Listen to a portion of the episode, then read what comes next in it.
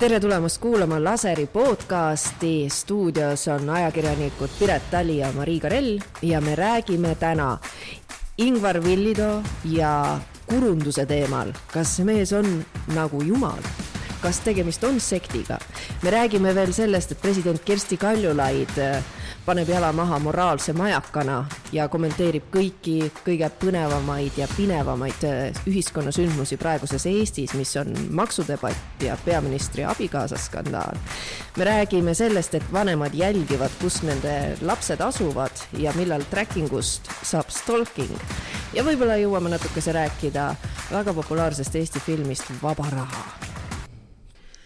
no ma ei saa aru, kuidas me sattusime sellise teema peale nagu sektindus ja Ingvar Villidus ei ole mingi nagu väga suur uuriva ajakirjanduse teema, et ma saan aru, et tema andunud jüngrid on temas pettunud pika elu peale ja saatnud eh, suurele õpetajale Kanadas kirju ja on otsustanud, et eh, Villido ei ole ikka väärikas Kriana jooga guru, sest ta teeb igasuguseid sigadusi, alates sellest, et ta rikub abielu, eh, teeb suitsu, on ahelsuitsetaja, tarvitab liha ja joob ja alkoholi, alkoholi.. jah, jah, et noh, kokkuvõttes ähm, äh, ma ei oska öelda, kas ta on nagu andnud mingi vande, et ta seda kõike ei tee või miks need äh, tema jüngrid selles pettuvad. Eelmise nädala Ekspress tõepoolest kirjutas, et äh, selliseid pahesid Ingvar Villidole pannakse süüks ja nüüd küsimus ongi, et mul esimene mõte oli see, et issand jumal, kas me tõesti nagu kahekümne esimeses sajandis, eks ole, oleme. mul nüüd hakkab sajand lihtsalt sassi minema, et kui inimest sarjatakse seetõttu, et ta on otsustanud ähm, abieluväliseid suhteid ähm,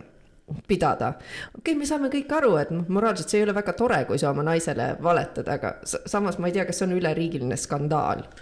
no samas äh, ma sain äh, inspiratsiooni Lee Unt, kes teatavasti elab ju Indias ja õpibki äh, selliseid peeneid idamaiseid kunste, et see, mida Villitoo Eestis on teinud, on tühi-tähi võrreldes seda, sellega, mida India kurud teevad, aga. kes suitsetavad ja joovad veel rohkem no kes teab, mida nad täpselt seal teevad, aga, aga võib-olla nagu selliste väekate, viljakate meeste naiste juurde on ikkagi see kuulunud, et naised jooksevad neil karjakaupa järgi, et, et see ei ole ju ainult siis eh, joogagurude praktikum, vaid ka noh, siit lähedalt Jaani kirikust leiab sellise näite ka, et, et noh, ma pidin naeruga ette surema, kui ma nägin, kuidas hakati otsima, kusagil hakkab tegema siis eh, saadet eh, tagandatud kirikuõpetaja Jaan Tammsalu ja, ja otsiti talle saatele nime ja kõige parem oli minu arvates Organ Solo, mis talle nimeks pakuti sellele saatele või, või, või noh, et mehele pole midagi püha võõras, aga noh, võib-olla seal on nagu küsimus selles, et inimesi, kes on vaimsetel rännakutel, solvab väga sügavalt see, kui, kui nad avastavad mingil hetkel, et nad on lapselikult usaldanud mõnda õpetajat või guru ja siis selgub, et tegelikult nad on osa mingisuguses püramiidsüsteemis või, või, või äris, kus nad peavad ostma kindlal kellaajal Amazonist guru raamatuid või, või peavad kogu oma varanduse andma selle sekti kätte ära Ingvar Villitõe ja Lilleoru puhul on äh, selline müstiline aura alati üles tõusnud ja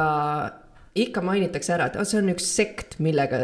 mis seal tegutseb ja, ja jumal teab veel, millega nad seal tegelevad, on ju. tegelikult mulle tundub, et äh, enamik äh, nii-öelda woke inimesi on korra sealt lilleorust läbi käinud tahtnud ka seda vaimsust saada või mingit tarkust saada, ma ei mäleta, mitu korda sina oled käinud, Piret, seal mina käisin seal kunagi päris ammu, seal ei olnud siis midagi olemas, aga see kõik tundus keset Eesti olusid pisut nagu kummaline, et seal üritati keset mingit hämarat talve nagu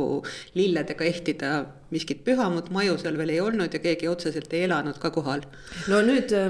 nüüd igal juhul on äh, asjad on palju edasi liikunud. mina käisin seal viimati, ma arvan, neli aastat tagasi ja ma käisin päris mitu korda järjest. ja Lilleorus on äh, suur uhke maja, kus peetakse muuhulgas ka Lilleoru kooli näiteks. ja ma arvan, et see on väga tore, et nad õpetavad lastele emotsionaalset käitumist, tundeid, nad õpetavad äh, loodusõpetust. Nad ähm, püüavad teha koolist midagi sellist, et see oleks vahva koht, kus käia ja seal on äh, terve suur aed veel seal kõrval, kus siis äh, lapsed saavad äh, kühvliga tuuseldada ja taimi panna maha ja kogu see fermenteerimise kunst ja siis. fermenteerimine, see on hapendamine. hapendamine ja. et sa pead kõik see, asjad hapuks ajama. seal on nagu käinud noh, Kats, üks nagu Euroopa suurimaid või maailma suurimaid fermenteerimiskurusid on käinud seal oma loengut lugemas, siis seal on permakultuur. nagu sajavattised hirnid siis seal on kogu see teadveloleku kursus selles mõttes, et, et põhimõtteliselt ma arvan, et see on nagu tore koht, kus käia ma oma last sinna kooli ei saadaks, peab tunnistama, et noh, mitte et ma kardaks paaniliselt, et hakkab jalapesuvett jooma. Ja noh, võib-olla see ei olegi kõige hullem, kui see on roosiveega segatud, aga, aga noh, mulle põhimõtteliselt mingite inimeste kummardamine pimesi nagu väga ei meeldi, et, et ma saan aru, et inimestel kõigil on eh, võib-olla sisemuses koht olemas religiooni või mingi uskumuse järgi, aga et, et noh, sellest nagu kujundada mingisugune koht, kus sa nagu haagid ennast igapäevast lahti ja, ja hakkad mingisuguse süsteemi sees oma maailma looma looma, see on nagu minu jaoks veidi kahtlane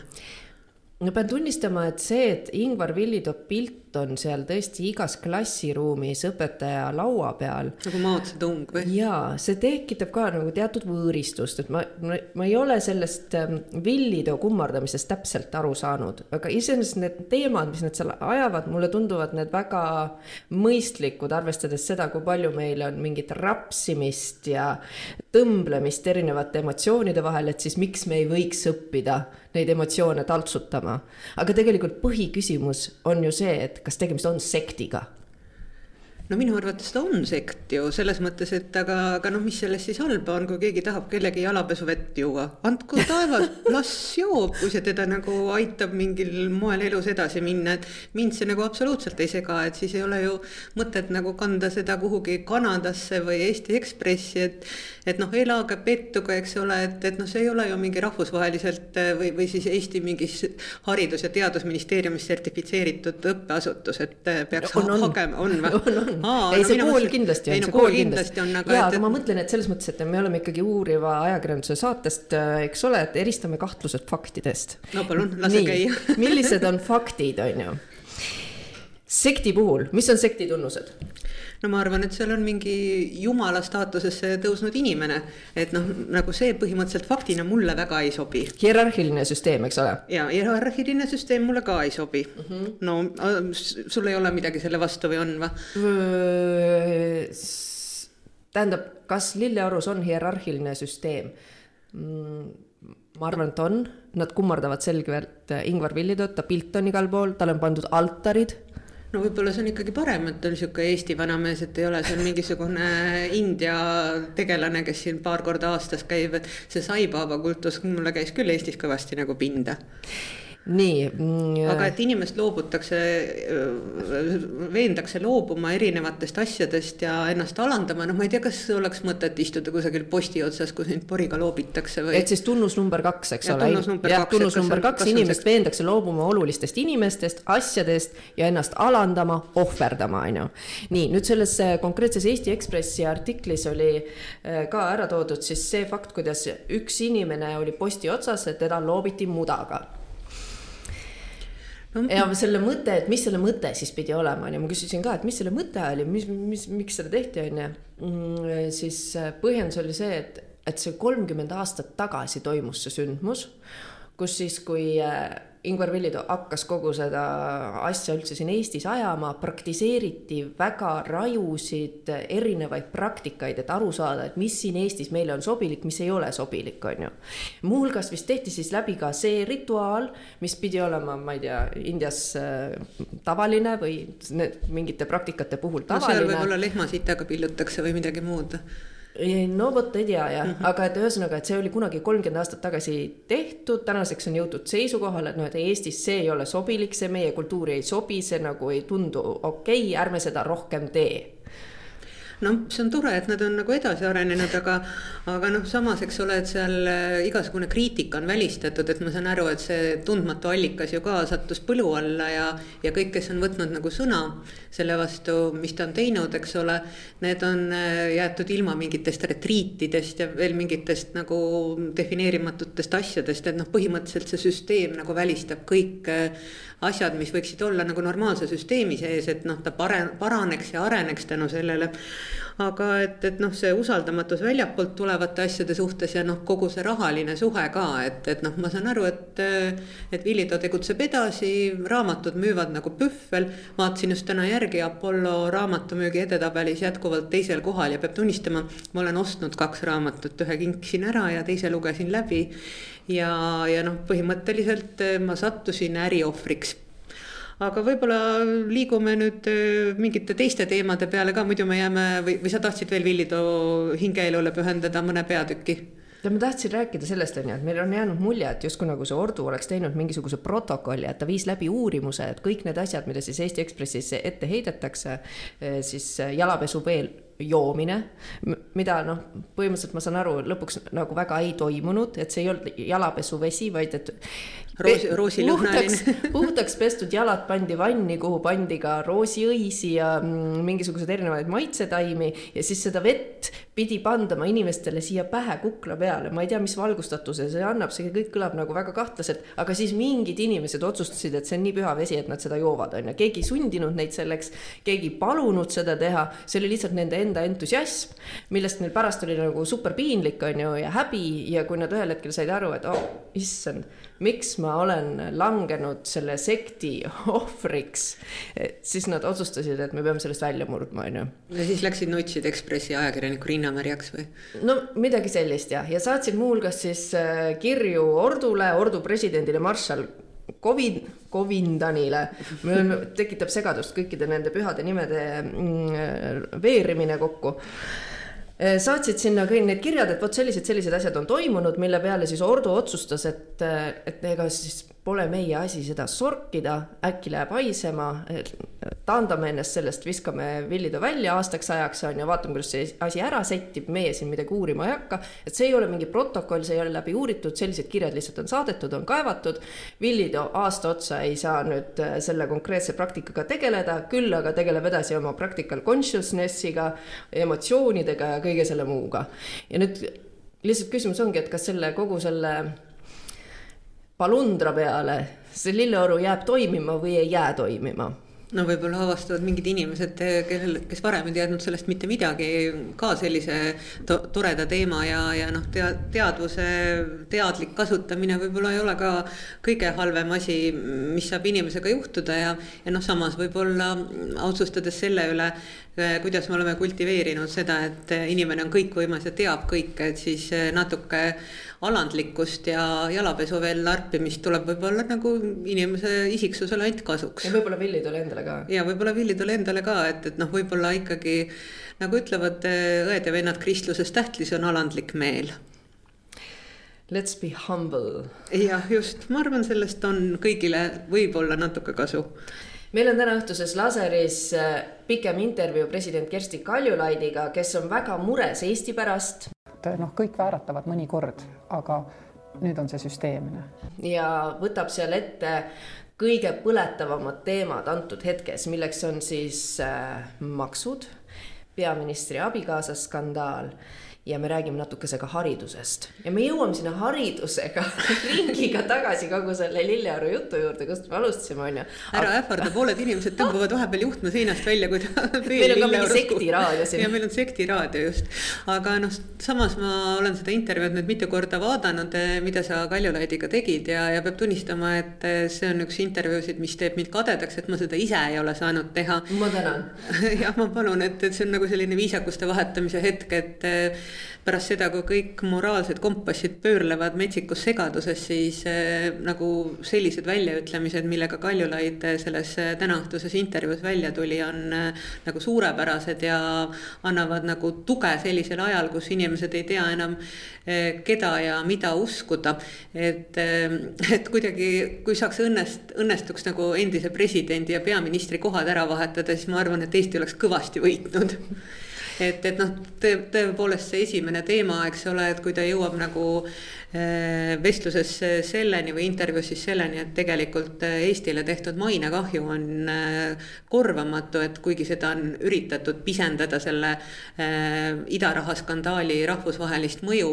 ja, ja noh, selles mõttes need väited, milleni ta välja tuleb, et ongi nagu see, et tegelikult peabki olema väga suur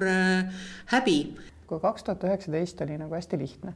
sul on nagu üks erakond, kes käitub pahasti, ei räägi Riigikogu kõnepuldist mitte oma rahvaga, nii nagu üks poliitik peaks seda tegema, raakleb, eks ju, läbi imelikke asju, sul on üks selline erakond. siis äkki sellel kevadel ma märkasin, et neile öeldakse vastu ka mm. -hmm. ja nüüd on äh, meil,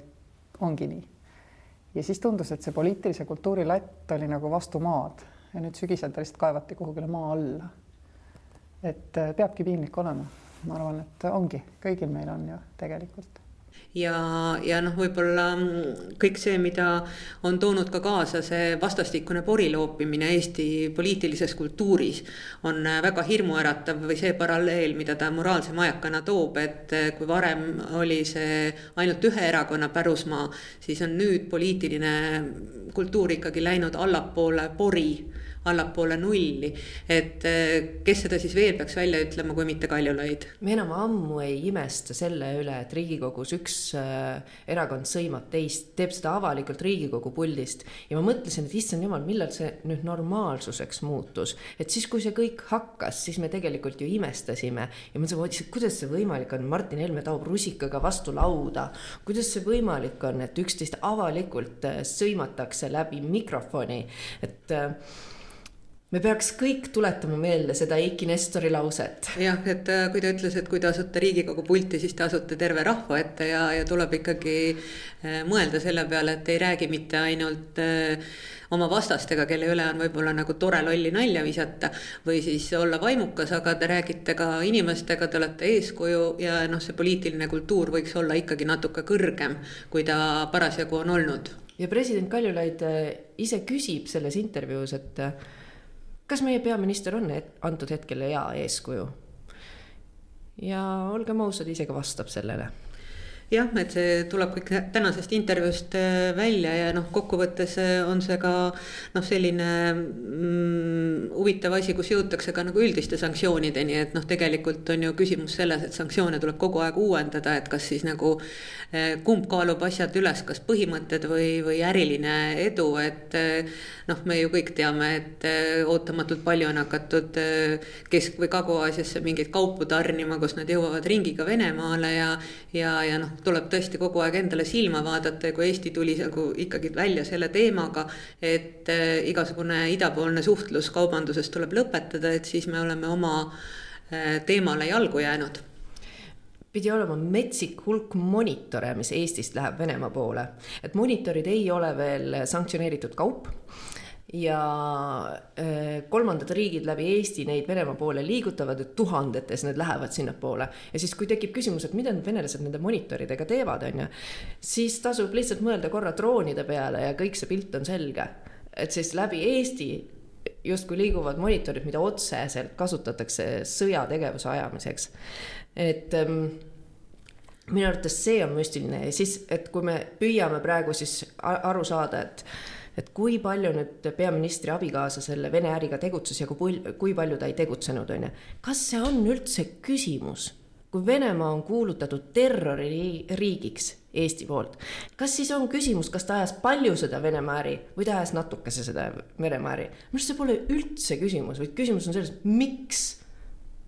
ta üldse seda ajas. Ja mi, mi, miks me peame nagu tolereerima sellisel hetkel, kus meil on tegelikult vaja, et lääneriigid toetaksid Eestit, et me ise ei oleks selles nagu supis ja et Venemaa, venelased ei tahaks siiapoole tulla no minu arvates on terve nädala kogu aeg see vene ja eestimeelsuse skandaal äh, käärinud ja, ja noh, me peame kõik endale silma vaatama, et kui te seal tsiteerite intervjuus ka Lotmanit, eks ole, et äh, kes ütleb, et äh, häbi ei peaks olema ainult Putinil, vaid ka Puškinil. et, et noh, kui jõuab Kaljulaid selle paralleelini, et mis siis oleks, kui Eesti oleks agressorriik. kas meile siis maitseks kama, minu arvates oli see intervjuu üks paremaid tsitaate, et kas kama maitse siis muutub, kas suur Munamägi siis on ilus. et kuidas me üldse suhtume kogu sellesse Venemaasse, et kas iga venelane on Putini meelne ja, ja kas tegelikult võib olla ka eestlane see, kes on Putini meelne, kui ta kahjustab oma riigi huve. et kas see mainekahju, mida antud juhul siis peaministri mees tegi, on siis putinlik või ei ole? pärast meie intervjuud järgmisel päeval president Kaljulaid sõitis Ukrainasse rahvusvahelisele konverentsile. ma mõtlesin, et issand, et et selles kontekstis, et on see siis piinlikum ka minna Eestit esindama, et kui meil on peaministriga parasjagu see skandaal on ju.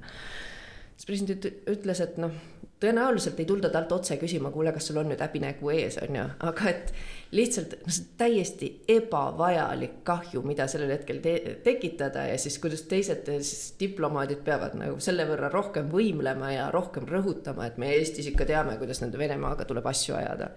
no minu arvates oli väga hea mingi videoklipp, mis jõudis ka Eesti telemeediasse, kus oli Lukašenka ehitas müüri kividest, kividest tuli puudu ja siis ta ütles, et oi, no pole hullu. Kaja Kallase mees müüb meile.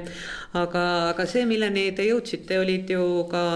maksud ja, ja noh, tegelikult eh, alles nüüd sai või mitte alles nüüd, aga, aga Lätis oli valitsusremont ja seal jõudis ka peaministriks eh, naine Evika Silina ja ta oli esimene asi, mis ta nagu peaministrina ütles, on see, et ta tahab võidelda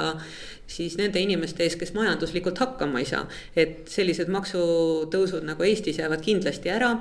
ja, ja noh, tundub, et Eestis on reformierakondlik äh, valitsus kogu aeg olnud nagu pigem nii-öelda rikaste, mitte siis vaesemate poolel, et need, kes on olnud keskklass ja vaesed, need ilmselt jäävad veel vaesemaks aga noh, rikastega kokkuvõttes ei juhtu midagi. teine asi, mida Läti värske peaminister äh, rõhutas, et äh, sellega ei ole nüüd Läti võrdõiguslikkuse kvoot täidetud, et neil on naispeaminister ja ta ütles selgelt välja oma esimeses kõnes, et ta kavatseb võrdõiguslikkuse eest seista ja naispeaministrina sellega tegeleda, et naised oleksid ühiskonnas sama võrdselt hinnatud nagu mehed. ja ma ei mäleta, et meie peaminister oleks seda ütelnud no võib-olla te ei ole märganud, et ta on naissoost peaminister, sest noh, mingi haruldane hetk on praegu, et kõik Baltikumi peaministrid on naised, et noh, muidugi kaua see meie peaminister nagu selles tuules vastu peab, aga aga nagu naisseisukohalt on see nagu üsna ootamatu seis. valitsus eh, veetis nädalavahetuse Vihulas pannes seal kokku järgmise aasta riigieelarvet. ja see kõik on üsna hämmastav, mulle väga meeldis Tanel Kiige tsitaat, mis ta ütleb mulle ühes intervjuus, mis jõuab järgmistel nädalatel laseri eetrisse. et ei no sellest skandaalist küll ei ole võimalik peaministril niimoodi välja purjetada, et läheme nüüd kõik sügisel hakkame rõõmsasti mingit riigieelarvet kokku panema. ja siis mida me näeme ja see kõik juhtuski ja nad purjetasid ja läksid seda eelarvet kokku panema, istusid terve nädalavahetuse luksuslikus Vihula spaas ja tulid välja limonaadimaksuga no mida? nojah, et kokkuvõttes tekib ju küsimus, et eh, kas need eh, maksumuudatused, mida siis Reformierakond nagu nii-öelda põranda all koalitsiooni smuugeldas eh, ja nüüd peab valitsus sellega tegelema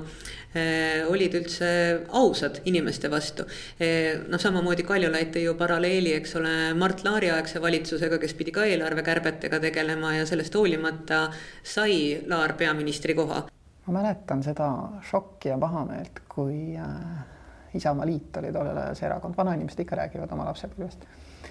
et Isamaaliit, Mart Laar ütles enne valimisi, et meil tuleb teha kärpe-eelarve sellepärast et Mart Siimanni valitsus oli pannud üle võlli, optimistlik prognoos ja noh, valimised tulemas, meil tuleb teha kärpe-eelarve. Ja ta käest küsiti, kas olete nõus vajadusel minema ka pensionite kallale, ta ütles, et on, aga ta võitis need valimised, ta valija tegelikult ei ole võimetu hindama ümbritsevat keskkonda. Et kas siis Kallas nagu ei suutnud selle peale mõelda, et ta oleks võinud algusest peale mängida avatud kaartidega see on üks küsimus, ma arvan, et inimesed kindlasti on selles osas pettunud, et makse on meil tulnud väga-väga palju, neid tuleb veel, igasugused aktsiisid tõusevad ja no ma lihtsalt mõtlen, et nagu kui on juba erinevad maksud olemas, siis limonaadimaksu sa nüüd küll ei tee, seda enam, kui on teada, et noh, suhkrumaksu me oleme korra Eestis läbinud, on ju. see on täiesti mõttetu meede, et sa sellega korjad liiga vähe raha kokku, isegi selle maksu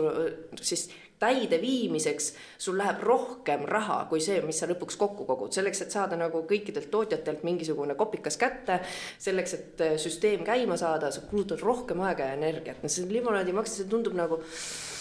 miks me maksustame üldse nagu selliseid väikseid kalakesi nagu kodanikud, kui me ei suuda nagu suurfirmade laekumistega hakkama saada, et see oleks a priori kordades suurem sissetulek riigieelarvesse, kui arvestada, palju väliskorporatsioonid seda raha Eestist välja veavad. ja, ja noh, see, kas meil tõuseb tulumaks või käibemaks, noh, kokkuvõttes summa summarum on see ikkagi suhteliselt väike summa lõppkokkuvõttes äh, toimetab Riigikogu juures äh, sõltumatu mõttekoda Arenguseire Keskus, kes on äh, andnud välja raporti Tulevikukindel maksustruktuur. ja siin on nagu väga häid ettepanekuid, et siin on nagu kolm võimalikku stsenaariumi, kust makse koguda ja kuidas. ja üks põhiline asi, mis siit välja tuuakse, on see, et Eestis on rikas olemine Euroopas kõige vähem maksustatud. ehk et küsimus on, et kas sa maksustad seda, et sa said rikkaks või et see, et sa ka kogu aeg oled, on ju, et kui sul on äh, kallim auto, et siis sa kogu aeg maksad selle eest rohkem, kui sul on rohkem kinnisvara, siis sa maksad selle eest rohkem. sellepärast, et noh, sa lihtsalt saad seda endale lubada, on ju. et äh, ja ma olen üsna kindel, et selliseid maksumuudatusi, kus äh, siis maksud laekuksid äh, võrdselt nii tarbimise, vara omamise kui ka töö, töötamise eest, tööjõumaksude eest. sellist maksustruktuuri ei hakka Reformierakond iial tegema, sest see on nende valijad, kellelt nad hakkavad siis raha kokku koguma. no aga samas, eks ole, kuidas ma peaks nagu tundma ennast ära Eesti riigis, et ma tahaks ka, et meil oleks selline peaminister nagu Lätis, kes ütleks, et noh, ma teen kõik, et äh, inimesed sellise inflatsiooni tingimuses äh, suudaksid selle asja üle elada. aga kui ma näen, et ilmselgelt nagu Reformierakond toetab oma valijaid, eh, siis ma olen kodanikuna solvunud. ma kardan, et Reformierakonna valijad võivad ka olla solvunud, sest seal ei ole ainult rikkad inimesed jah, need on need inimesed, kes inim... tahavad rikkaks saada, aga mitte kunagi enam ei saa. enam ei saa, sellepärast nüüd on need maksud on ju, ja kohe nagu kõik see inflatsioon on võtnud kogu selle mõnu ära, et üldse mingit Reformierakonda toetada no see kõik selgub ilmselt A kohalike omavalitsuste valimistel või veel, veel kusagil, aga, aga noh, mitte ainult äh, maksureformist ei rääkinud, te rääkisite ju ka haridusest ja ma saan aru, et äh, Kersti Kaljulaid on võtnud äh, vastu positsiooni, kus ta peaks kaheksateistkümnenda sajandi kooli viima kahekümne esimesse sajandisse erinevate vahenditega. ja ÜRO-s hakkab tal olema uus kõrge ametikoht, ta seal nõukogus hakkab siis välja töötama neid meetmeid, et kuidas toetada õpetajaid, et me ei õpetaks enam kaheksateistkümnenda sajandi meetoditega. sest et tõepoolest nagu aeg-ajalt tekitab küsimusi, et kui me teame, et need lapsed ei suuda nelikümmend viis minutit ühe koha peal istuda, miks me siis seda neilt jätkuvalt nõuame? No kui me teame, et iga laps on guugeldades kordades osavam kui sina või mina, et fakte nad saavad nagu täiesti vabalt kätte, aga see, millega nad tõesti hakkama ei saa, mis mulle selle Kaljulaidi intervjuu juures läks väga hinge, on äh, see, et äh, emotsionaalset intelligentsust ja hakkamasaamist teiste inimestega, meeskonnatööd, et äh, seda tänapäeva lapsed oskavad kordades vähem. ja, ja noh, see ongi just midagi taolist, mida kahekümne esimese sajandi kool võiks õpetada. vaata selles samas Lilleorus, kus me oma juttu alustasime, onju. seal on kool, kus fermenteeritakse mitte ainult, seal tegelikult äh, ma käisin kuulamas äh, loengut, mida annab siis maailmakuulus sinise majanduse eestkõneleja Gunter Pooli, kes väga palju ähm, räägib ka haridusreformist, et aeg oleks teha haridusreform ja me peaks õpetama üldse niimoodi, et me läbi lugude jutustamise lapsed saavad asjad selgeks, onju. aga üks asi, mis mulle nagu väga meeldis tema ütluse juures oli see, et õpetaja peaks olema moodsas koolis selleks, et jagada, mitte õpetada. Et õpetamisel tuleks pakkuda pidevat üllatust, et see ja see üllatus võiks käia siis selle päris elu kohta, mis meie ümber on, on ju kuule, millega sa üllatad inimesi, kellel on taskus taevakaart ja ta võib iga hetk öelda, mis on mõne tähe nimi. et minu arvates need tänapäeva lapsed on üldse raskesti üllatatav seltskond. et, et noh, ma ei ole sellega nõus, et haridusasutus peaks olema nagu meelelahutuslik, et sa pead nagu kogu aeg kedagi nagu palehigis lõbustama ja, ja siis leidma nagu mingeid lõbusaid fakte ja mänge ja noh, minu arvates ma, ma ei ole mitte päris Lauri Le Leisi koolkonna pooldaja, aga tahvel võiks olla must ja kriit võiks olla valge ja, ja midagi võiks olla ikkagi hariduse juures traditsioonilist okei okei aga samas noh, sa võid alati vanemana pakkuda ju neid üllatusi, näiteks no ütled, et no mine pese käsi ära, onju, või mine pese käed puhtaks, enne kui sööma tuled. astud juurde, ütled hmm,, kas sa tead, et seebid, need väga-väga ilusad seebid onju, et need enamasti on loodusele väga kahjulikud. kas sa tead, kuidas nad on loodusele kahjulikud, sest nad sisaldavad raskmetalle ja kui see jõuab vette, siis seal vees on konnakesed parasjagu, siis see võtab ära konnalt selle lima ja ta ei saa mõnusasti seal ujuda, vaid sureb mürgistusse või uppumissurma. aga, aga jah, noh, see ikkagi konnale kaasa elamine eeldab teatud empaatiavõimet, aga, aga noh, kui laps on ühendatud kogu aeg kõikidesse kättesaadavatesse ekraanidesse, siis ta su suudab suhestuda ainult nagu ekraanide ja vilkuva pildiga ja võib-olla empaatiavõime ei ole tema kõige paremini arenenud omadus, et ta elab konnakesele kaasa ja väiksele usikesele kaasa ja ja siis sa saadad ta sinna kooli ja loodad, et talle õpetatakse empaatiat, aga tegelikult antakse talle see tahvel kätte sest et tahvlid on nii lahedad hariduses. Jah, just, et, et noh, selles mõttes eh, me, me jõuame ka sinna, et eh, peaks eh, mõtlema selle üle, et, et kui palju me oleme oma vanemlikkust muutnud tänu sellele, et tänases laseris ei ole mitte ainult siis põhjapanev intervjuu president Kersti Kaljulaidilt, vaid ka lugu tracking ust ja stalking ust. et noh, mina näiteks vanemana olen äh, olnud tohutult hädas oma südametunnistusega, kui minu vanem laps läks umbes ma ei mäleta täpselt, mis aastal ta läks kooli, aga ta oli üks väheseid, kellel ei olnud telefoni. ja, ja ma mõtlesin, et kas ta jääb nagu millestki kõrvale, kas ta jääb millestki eemale. ja, ja noh, nüüd tänapäeval on vanemlus ju sedavõrd muutunud, et kohe, kui sa nagu suudad lapse viia lasteaiast kooli, sa pead hakkama teda pidevalt jälitama ja track ima. sa pead kohe talle telefoni ostma või vähemalt nutikella ja väga-väga paljud vanemad vaatavad, kus laps parasjagu on oma seadmest. sul on kaks vanemat äh, last veel on ju, tütred, äh, suht teismelise eas mm. -hmm. kas sa neid ka vaatad, kus nad liiguvad? ja sellepärast, et ma vaatan ka, kus abikaasa liigub ja kus mu väga hea sõbranna liigub, sest meil on äh, selline iPhone'ide noh, süsteem, kus nad on kõik ühes selles nagu väikses äpis ja väga noh, vaatame ja mõned ütlevad küll, et see on hästi tobe, et noh, näiteks, et mis ma vaatan, et, et kus mu mees parasjagu on, on ju, aga see on hästi mugav, et siis sa ei pea ju näiteks küsima, et oota, kus sa oled praegu või millal sa tuled, vaid sa näed, et ta juba ju tulebki kodu poole. mul hakkas see tekitama mingil hetkel küsimusi, sellepärast et mulle tundub, et okei okay,, see seitsme-kaheksa-aastane Nublu, noh, ta ei oska sellest mitte midagi muud arvata, et okei okay,, et emme lihtsalt teab, kus ma olen, onju. aga siis ühel hetkel nad kasvavad teismeliseks ja mõtlen, kas ei ole nagu veits äh, inimõigusi piirav, kui su vanemad alati teavad, kus sa oled noh, see on ilmselt ka selliste läbirääkimiste teema, et kuna sai suheldud kahe teadlasega, eks ole, Andres Iibaku ja Marit Napiga, kes seda teemat ehk siis digivanemlust on uurinud. ja, ja siis Marit Napp rääkiski meile saates oma doktoritööst, kus ta suhtles siis äh, päris paljude kaheksa kuni kolmeteistaastaste laste ja nende vanematega. ja, ja noh, tegelikult eh, ongi see nagu uus normaalsus, aga paljudel juhtudel ei öeldagi ju lastele seda, et neid eh, track itakse. ja, ja siis sa nagu kogedki seda nagu noh, suure venna nagu pilku, et sa umbes väljud äh, vales peatuses bussist ja siis helistab sulle kohe ema ja ütleb, et mine kohe bussi tagasi, sa ei jõua õigeks ajaks kooli. ja siis sul kaob igasugune võime ära eksida, teha oma vigu ja õppida sa saad ju ikkagi läbi eksimuse. et kui see on koolis, kooli hiljaks jäämine, see ei ole maailma kõige ohtlikum asi, mis sinuga saab juhtuda. aga järgmine kord sa sõidad äh, õigesse peatusse ja noh, huvitav oleks see, et kui see doktoritöö jätkuks siis nagu selles eas kui noored on teismelise eas. et kui palju siis vanemad suudavad seda kõike nagu kontrollida, sest noh, käi-, käisime ju ka tänaval ja suhtlesime noortega ja, ja tundub, et, et see, et su sõbrad näevad või ka defineerimatu hulk inimesi, keda sa üldse ei tunne, näevad, kus sa asud. see on nii normaalseks muutunud, kõik no ongi... track ivad kõike, on ju. aga et ongi, et vanemluse puhul, et kas see siis mingil hetkel, kas need lapsed üldse õpivad vastutust, kui nad saavad täiskasvanuks, saavad kakskümmend või no ma ei tea ema on mul lahendanud kõik probleemid siiani ära, küll ka selle lahendab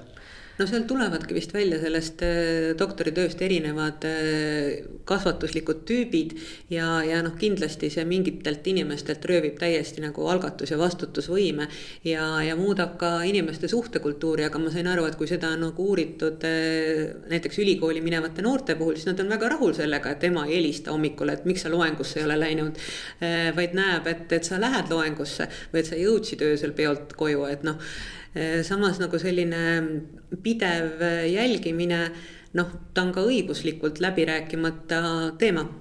See teema tegelikult sai alguse sellest, et ma sattusin saunalavale koos kuueteistaastaste tüdrukutega, kes äh, arutasid omavahel, et ühele oli tekkinud peika kes kogu aeg äh, jälgis, kus tema pruut on ja see pruudile ei meeldinud see. ja ta ei saa, tal oli iseenda sees segadus, et kas see on okei okay,, et mulle ei meeldi see, et ta mind kogu aeg jälgib, sest nad olid kasvanud üles juba sellega, et vanemad neid jälgisid, on ju, sõpradega nad omavahel nägid, kus nad keegi olid ja kui siis järsku tekkis see Peika, kes äh, justkui igal hetkel teadis, kus ta pruut on, noh, saanud võrkpallitrenni minna või sõbrannade juurde, ilma et teda oleks jälgitud, siis ta ei teadnud, kas on okei okay öelda, et kuule, mulle ei meeldi, et sa vaatad kus ma kogu aeg olen. No muidugi noorukid on tänapäeval ju nutikad, et kõiki neid seadmeid on võimalik ju sheet ida, et selles mõttes, et sa võid näidata ennast asuvana kusagil, kus sa ei ole, sa võid lülitada selle rakenduse välja ja siis arvab, et see on kodus inimene, kuigi ta võib olla kusagil mujal, sa võid jätta oma seadme maha. ja, ja noh, kokkuvõttes on ka su suuri skandaale tulnud eh, sellest, et on olemas AirTagid, eks ole, et sa võid eh, mitte ainult track ida telefone, vaid eh, noh, ükskõik mida, autot, tõukeratast, autovõtmeid. Et, et see, et sul on mingisugune seade küljes, et sellega ei oleks ükski jõustruktuur eladeski hakkama saanud, see, mida teevad nagu armastavad lähikondsed tere tulemast äh, luuramismaailma, me oleks nagu Nõukogude Liitu sisenenud natukese. jah, kokkuvõttes seal ei teadnud keegi, kes, mida ja mis andmeid kogub, aga noh, praegu ju tegelikult ka kogutakse andmeid meie kohta nii ehk teisiti. kui me maksame pangakaardiga, kui me kasutame mobiiltelefone, maste, mida iganes, aga, aga et me teeme seda ise ja ka vabatahtlikult, see andmekogum on ju kusagil olemas. ja, ja mida selle kõigega on võimalik äh, peale hakata, et seesama vidin, mille, millest ma just rääkisin, AirTag põhjustas ikkagi ka palju välismaal naistevastast vägivalda, niikaua kui täiustati seda. aga noh, olles ka kokku puutunud erinevate perekondadega, et noh, on ka Eestis kodusid, kus on igal inimesel mitu seadet küljes, on tema rattal, on tema võtmetel, on, on tema telefoni. sest kõik ju on nii kallid seadmed, me peame hoolitsema seadmete eest sellised olid tänased teemad, vaadake kindlasti õhtul laserit pool üheksa TV3-st ja kui teil on vaba aega, siis minge vaadake kinodes uut Eesti filmi Vaba raha, mis räägib sellest, kuidas vanaema säästud kõik krüptosse huugama pandi. minu arust see on väga õpetlik lugu ja samas ka humoorikas ja vahva vaadata. Minu arvates oli ka suurepärane film, võtsin kaasa nii vanaema kui lapse, mõlemal oli lõbus. Aitäh, et kuulasite ja kohtume taas järgmisel teisipäeval. kohtumiseni